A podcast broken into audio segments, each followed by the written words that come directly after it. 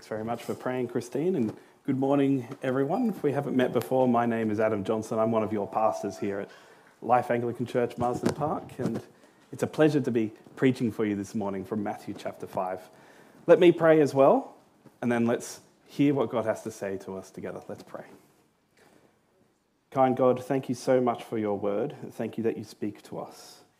This morning, when we hear your voice, deliver us from hardness of heart and help us to so amend our lives based on what you teach us, that we would live to your honour and your glory. In Jesus' name we pray. Amen.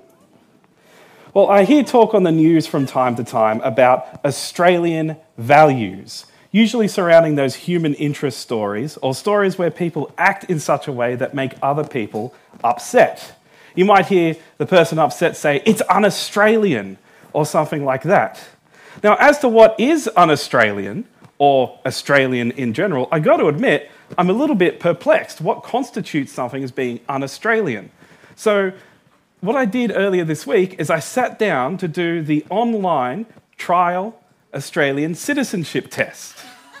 Some of you have probably done the citizenship test for real, and you would know that in order to pass it, you need to get at least 75% correct.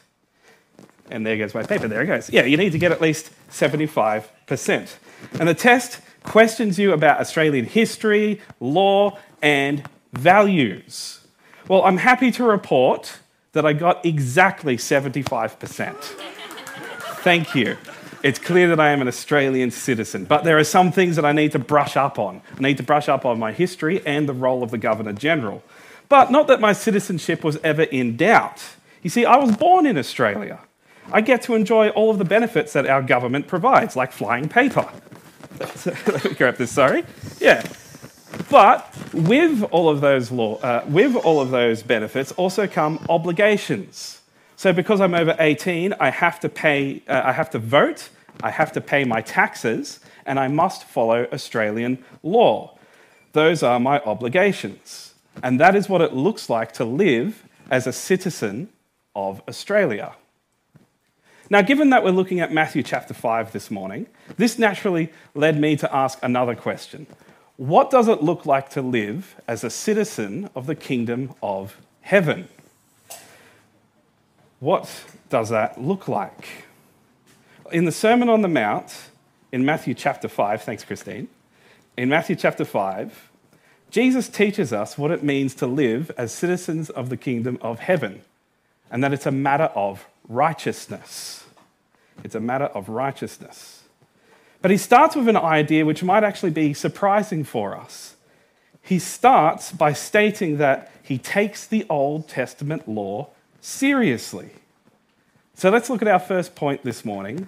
Jesus upholds the law. Verse 17, it should appear on the screen. Do not think that I have come to abolish the law or the prophets. I have not come to abolish them, but to fulfill them. For truly I tell you, until heaven and earth disappear, not the smallest letter, not the least stroke of a pen will by any means disappear from the law until everything is accomplished. Now, in the previous part of the sermon, if you were here last week, we looked at it uh, last week, Jesus was talking about being different, about standing out as salt and light. Now, that might imply that he's bringing something completely new to the table something different. But what Jesus wants to reinforce is actually what he's bringing is God's will. So he starts with don't think that I've come to abolish the law or the prophets. What I'm doing, the teaching that I'm bringing, it agrees with the law and the prophets, it's in line with them. But let's go over a quick definition first. What precisely is the law? Now, you'd be excused for thinking that the law was a set of rules for you to follow, that the Ten Commandments were like the road rules in Australia. But the law is so much more than that. It's more than just a set of rules, it's the way of life for God's people. Not just rules to follow, but how to live. You can find the law in your Bibles today. In the first five books of our Bibles in the Old Testament Genesis, Exodus, Leviticus, Numbers, and Deuteronomy. Now, clearly, Jesus holds these five books in very high regard, as he does the whole Old Testament, which he refers to as the prophets. He holds it in very high regard. And that's important for us to remember because there's an idea floating around churches today, in some churches and some Christian groups, where because we've got a New Testament, we can ignore the Old Testament or we can do away with it. But Jesus doesn't think so. Jesus himself is an Old Testament man.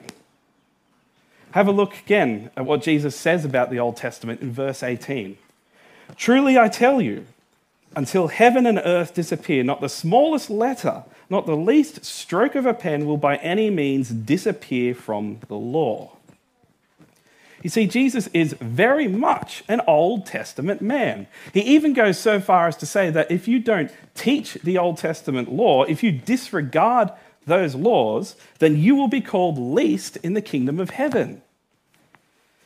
But why is the law so important for Jesus? There's actually quite a few reasons why. But we're going to look at one right now, and that is that the law is about righteousness. So have a look at verse 20. For I tell you that unless your righteousness surpasses that of the Pharisees and the teachers of the law, you will certainly not enter the kingdom of heaven. Kingdom living is a matter of righteousness. To live in the kingdom, live righteously. Now, one thing that stood out to me as I did the Australian citizenship test were what the questions were about. They were mostly about democracy and mostly about free speech. Now, easily half the questions were about the voting process, how important it is, what my rights are, and all this sort of thing. The other half of the questions were usually about what I'm allowed to say when I can stop other people from talking, which turned out to be almost never, and all this sort of thing. And this teaches me, or this showed me at least, that on paper, Australia values democracy and free speech. And that's fine, those are good things to value. But in the kingdom of heaven, it's righteousness. Righteousness is what is valued. Now, righteousness appears in the Sermon on the Mount, the whole sermon itself, six times. That's a lot of times. And that tells us that righteousness is very important for the kingdom of heaven and very important for Jesus.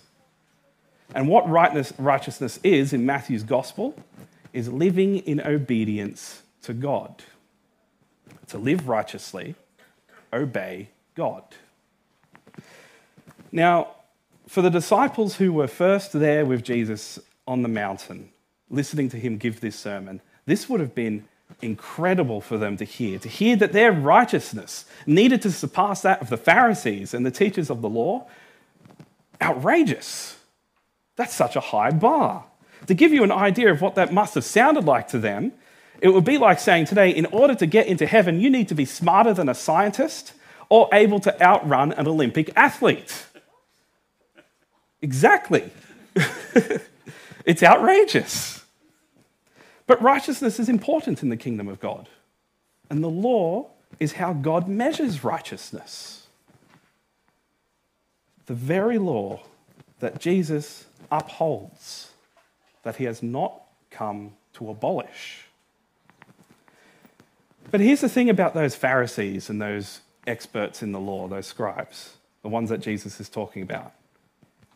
They had gotten righteousness wrong. They weren't actually living righteously. Now, these were the guys who, back in the day, if you wanted to know how to follow God, how to live righteously, you'd go and talk to them.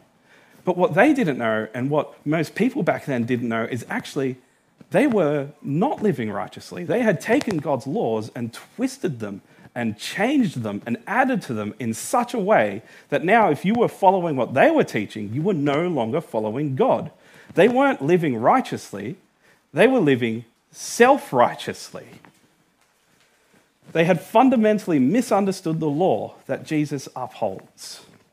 So, in order for us to not make the same mistake as them, we need to know our Old Testaments. We need to know the law. the Old Testament fills in the New Testament, just as the New Testament fills in the Old Testament. They can't be separated from each other. Jesus himself is an Old Testament man. That alone should tell us how important the Old Testament is for us. The Apostle Paul used to be a Pharisee until he met Jesus. And he, thinking about this very topic, considered the Old Testament also to be important for Christians. After all, that's what he was thinking when he wrote these words in 2 Timothy chapter 3 verse 16. All scripture is God-breathed and is useful for teaching, rebuking, correcting, and training in righteousness. Paul wasn't talking about the New Testament. He was talking about the Old Testament. He was talking about the law, and the law is important. Jesus upholds the law. But Jesus also authoritatively teaches, uses his authority to teach about righteousness. So let's have a look at some of Jesus' teaching about righteousness now. As we look at the second point this morning, Jesus shows the law.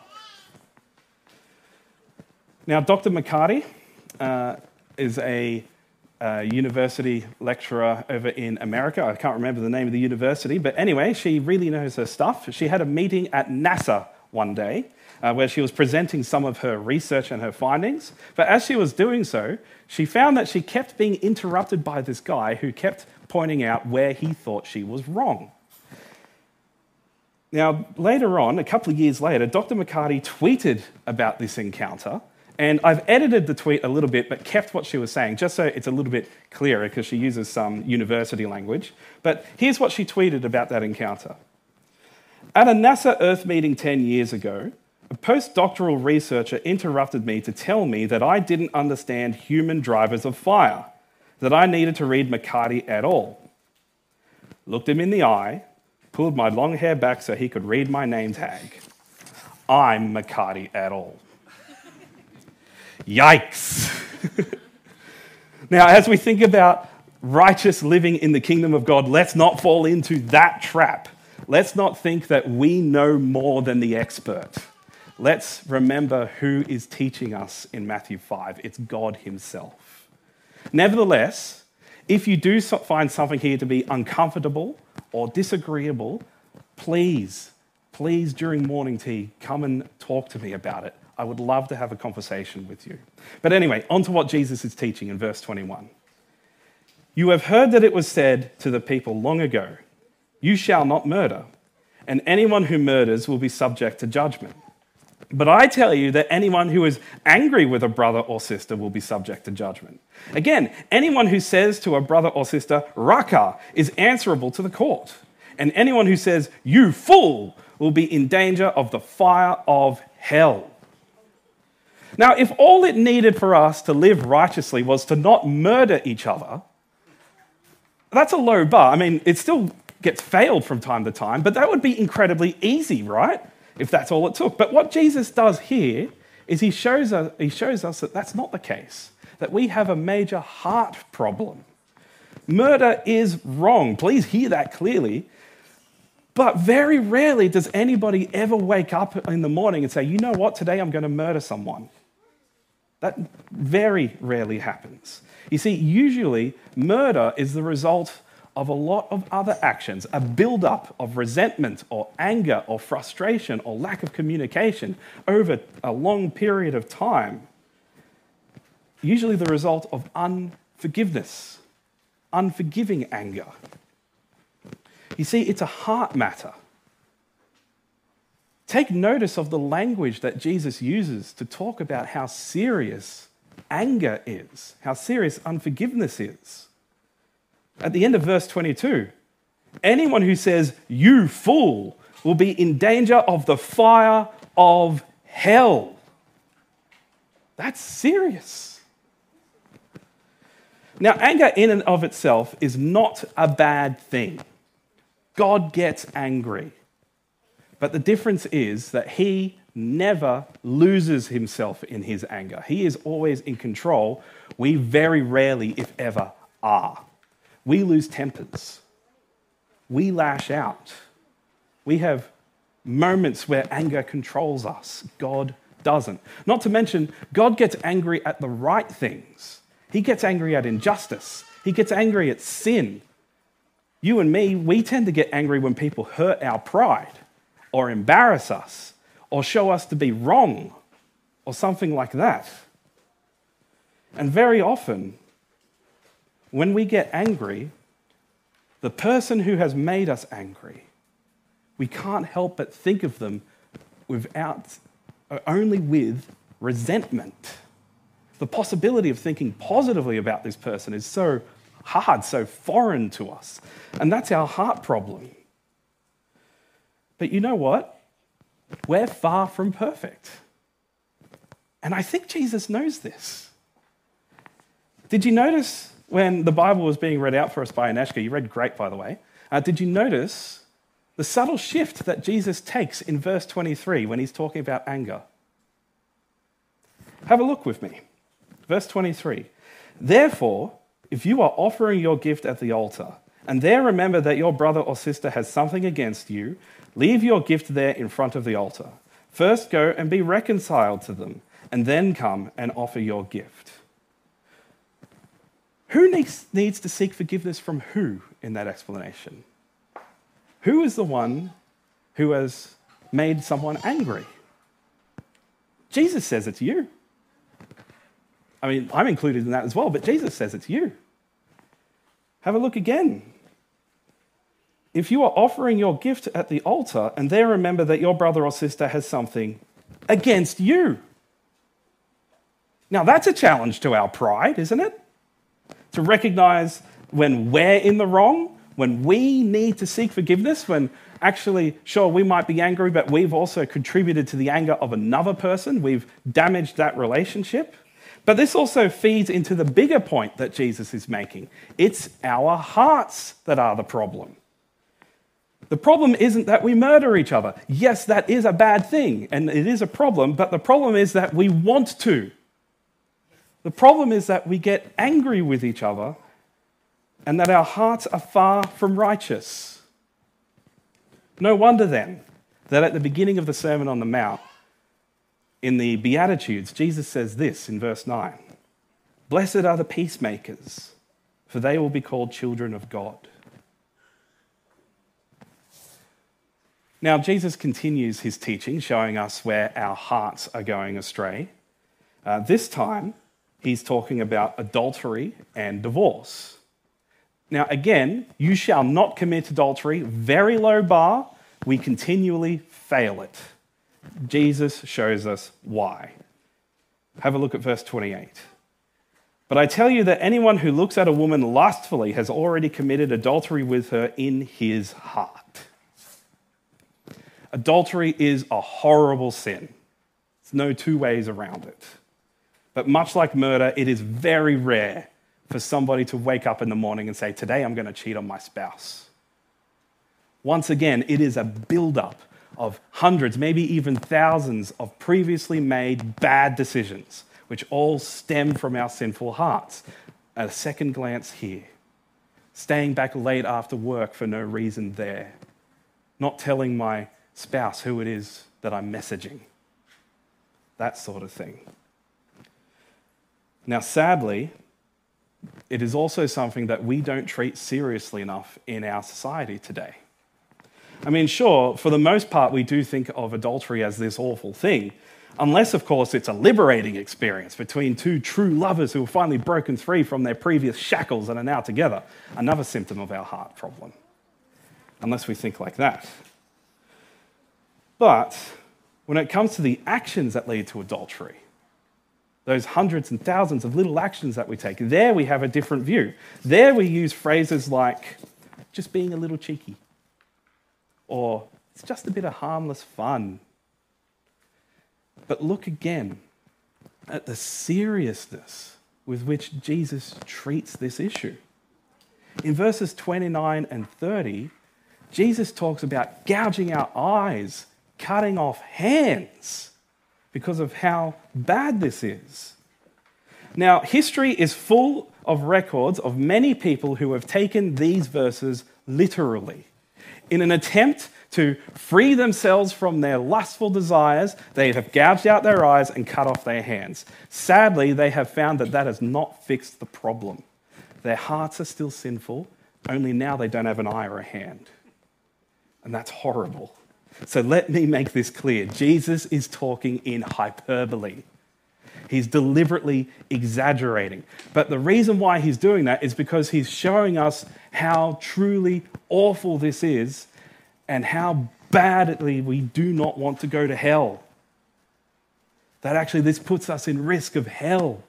And this is the last thing that we want. Jesus is showing us how serious sexual sin is.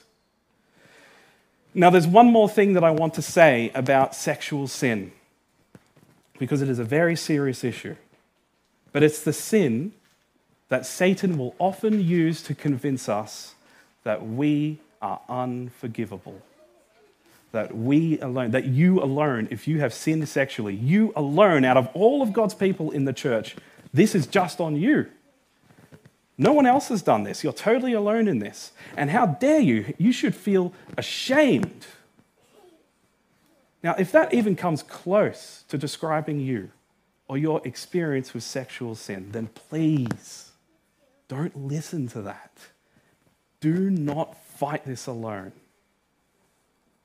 It's a lie. I myself, as your pastor, will always be ready and willing to listen to you without judgment. I will always be ready to remind you of Jesus. And I say this because I know that right now in front of me are sexual sinners who are loved by Jesus. Now, to lighten the mood a little bit, let's continue looking at our passage where we see Jesus talk about another major heart problem that we have as he talks about the common for his day teaching on divorce. Now, divorce is awful. God does not want divorce. But let's have a clear look at what Jesus is teaching in verses 31 and 32. It has been said anyone who divorces his wife must give her a certificate of divorce. But I tell you that anyone who divorces his wife, except for sexual immorality, makes her a victim of, of adultery. And anyone who marries a divorced woman commits adultery. Strong language there. Now, yes, in Deuteronomy chapter 24, God does permit divorce. But Jesus, who is God himself, will later go on to say in Matthew chapter 19, verse 8, Moses permitted you to divorce your wives because your hearts were hard. But it was not this way from the beginning. You see, by Jesus' time, this law had also been taken and twisted and mutilated in such a way that a husband could divorce his wife for any reason, like she'd botched the cooking one night. That is awful. And that would leave the wife, or the ex wife now, completely vulnerable at the mercy of a society that looks on her only with shame as a divorcee. You see, what Jesus is doing here is showing us where that shame really lies. It lies with those who discard their wives. But it's all come from the sinful human heart. You see, divorce is awful. And I know it's sting personally. I'm not divorced, but divorce has impacted my family. But even today, we make the horrible mistake of treating people who have gone through the pain of divorce like as if they're broken or like as if they're dirty somehow. We treat them with undue shame. Jesus loves people who have gone through the pain of divorce. So, in showing the law, Jesus has shown both the righteous living requirements of the law, but he has also shown us how foul our hearts are. He's held up a mirror to us, a mirror which shows us all of our little tiny imperfections. And that is always an uncomfortable experience. Always uncomfortable. Especially since at the end of this section of his sermon, Jesus will conclude it by saying, Be perfect, therefore, as your heavenly Father is perfect. But we know we're not perfect. We have not met the righteous requirements of the law. Thank God then that we have one more point that we're looking at this morning. Jesus fulfills the law. Jesus fulfills the law. And to look at that, let's circle back to the beginning of our passage in verse 17. Do not think that I have come to abolish the law or the prophets. I have not come to abolish them, but to fulfill them. Living in the kingdom is living in Jesus. Jesus has fulfilled the law. And this is truly wonderful news for us. The best news that we will hear all morning. But how? How has Jesus fulfilled the law? Well, some think that Jesus fulfilled the law by perfectly obeying it, doing everything that the law says, by being the model citizen of the kingdom of God, being perfectly righteous. Yes, that is true. Jesus is perfectly righteous. He has perfectly followed the law, lived the perfect life. But that is not all that it means for Jesus to fulfill the law. Now, others might point to the sacrificial system in the Old Testament law. The Day of Atonement in Leviticus, for example, where once a year the people of Israel would be forgiven for all of their sin by sacrificing a goat, by offering up animal sacrifice. Jesus himself offered himself as the once for all perfect sacrifice to forgive us of our sin.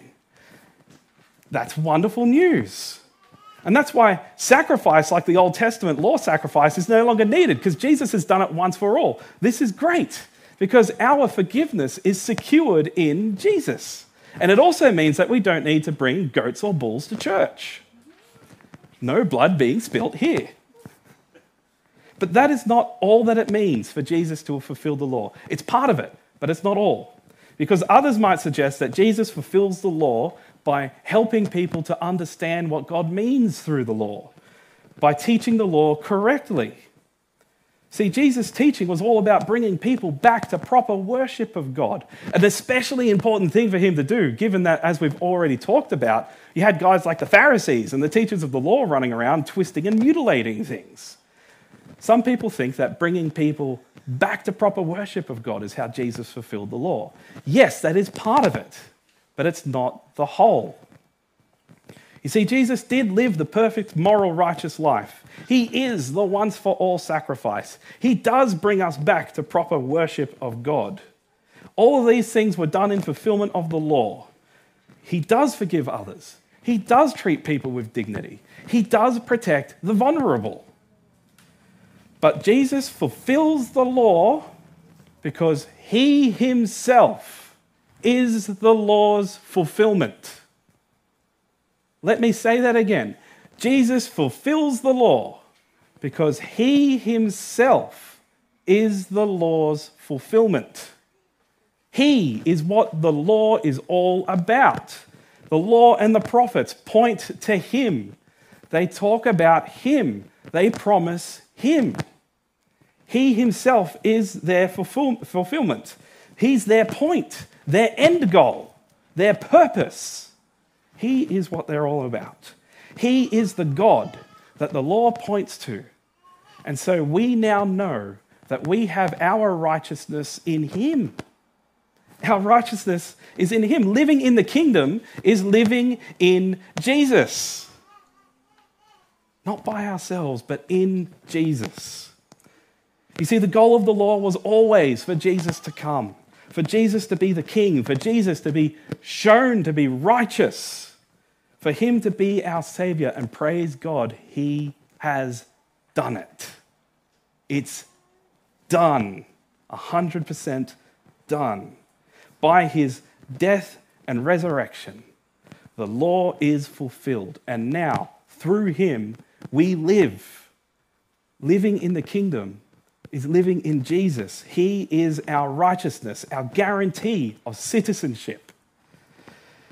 Living in Jesus means that He is the one that we rely on, not ourselves, not our righteousness. We know that we don't meet the righteous requirements of the law, but He does. He is our righteousness. Now, this doesn't free us from our obligations as being God's people, of living righteous lives. But we do this because we already have citizenship. It's who we are, not what we want to become, but who we already are. You see, we are like asylum seekers. Asylum seekers who have been granted citizenship, already citizens. But now, as they continue to live in Australia, they're learning the Australian way of life. So we, as asylum seekers in the kingdom of God, adopted into sonship, learn to be sons and daughters of God, learn to live righteously. Jesus has transformed how we interact with the law. Yes, for us, the law still does act like that mirror, showing us our imperfections, how we fail to live righteously, but it also acts in two other ways it's a roadmap and a gold mine. The roadmap which points us to Jesus, points us to how significant he is, shows us just what it is that he accomplished for us on the cross and by his resurrection.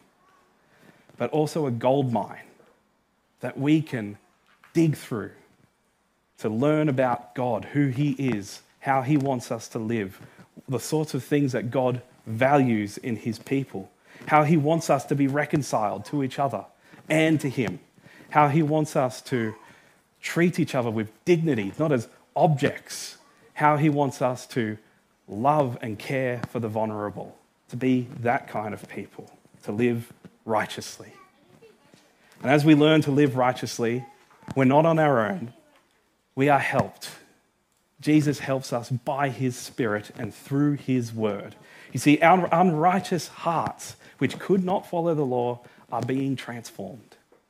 And so that now, every day, day by day, we are being changed to be more like Jesus, to have our hearts to be more like His, to love the things that He loves, transformed to be members of the kingdom of God, to have hearts that seek reconciliation and forgiveness with each other, hearts that treat each other with honor, hearts that uphold marriages and protect the vulnerable transformed people living in the kingdom of God. Jesus has fulfilled the law.